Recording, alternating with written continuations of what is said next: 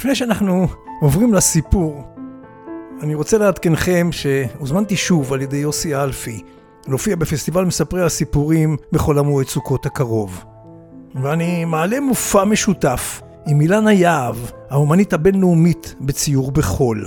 המופע הוא תחת הכותרת סיפורי חיים בקול ובחול. אילנה מציירת ואני מספר.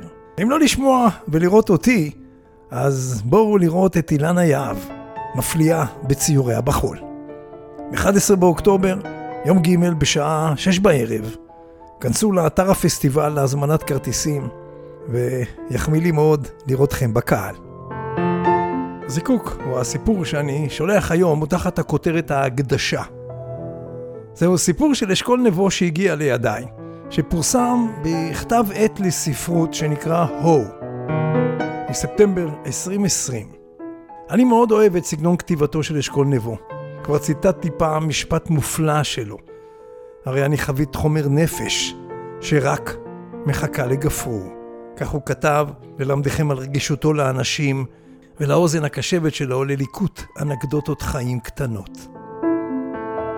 אז הנה סיפורו של אשכול נבו, ההקדשה.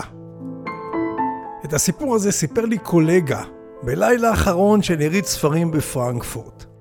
שנינו היינו שיכורים לגמרי, ולמחרת בארוחת הבוקר במלון, הוא הזהיר אותי שאם אי פעם אני אכניס את זה לאחד הסיפורים שלי, הוא יהרוג אותי.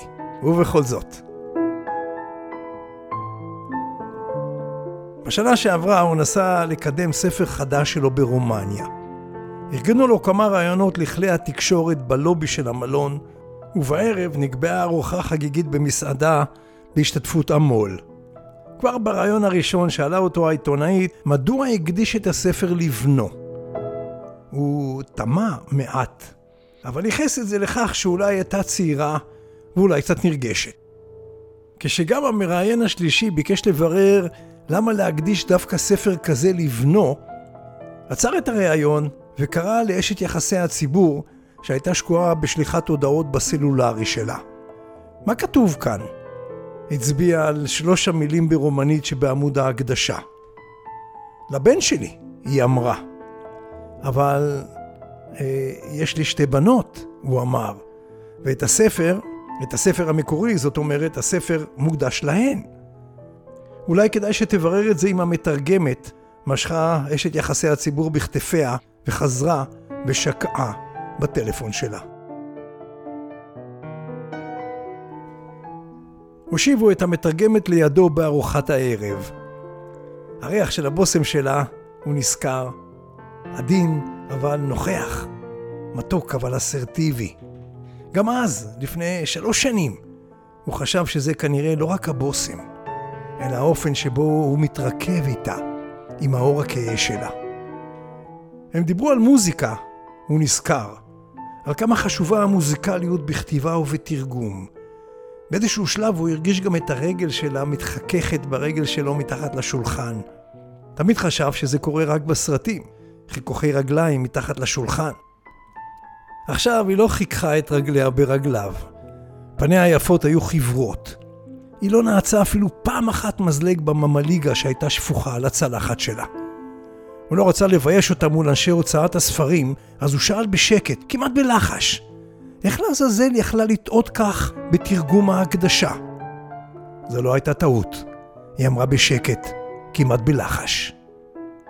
לפני שהספיק לענות, היא סיננה, לפני הקינוח אצא לעשן סיגריה. חכה דקה וצא אחריי. גם אז, גם אז הם יצאו לעשן מחוץ למסעדה. וכששוחח על הלהבה של המצית מפני הרוח עבורה, נגע אורו באורה. עכשיו כל אחד מהם מצית את הסיגריה שלו לעצמו.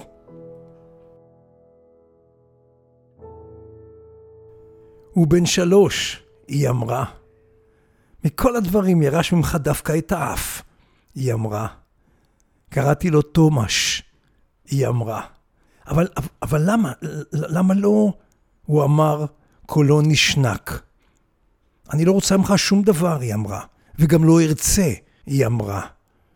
אחרי שאיפה ארוכה מהסיגריה הוסיפה רק את ההקדשה הזאת בספר, שאוכל להראות לו אחרי שתמות.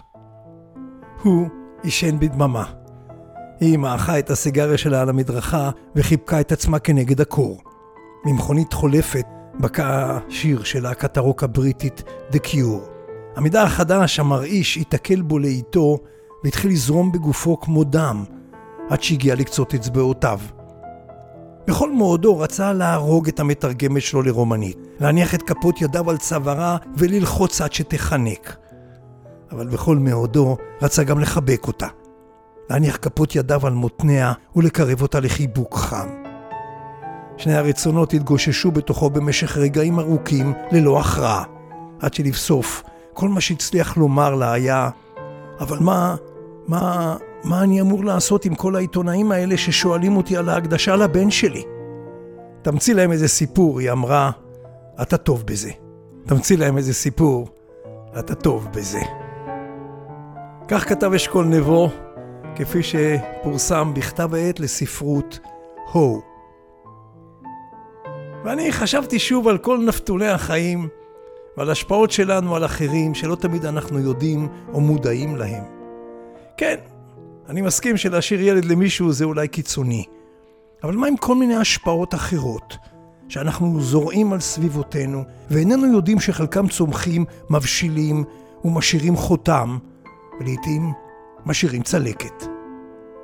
וכאיש של סיפורים, צבט בי קצת המשפט האחרון שלה, תמציא להם איזה סיפור, אתה טוב בזה. זיקוקין דינור, שוק הדינור.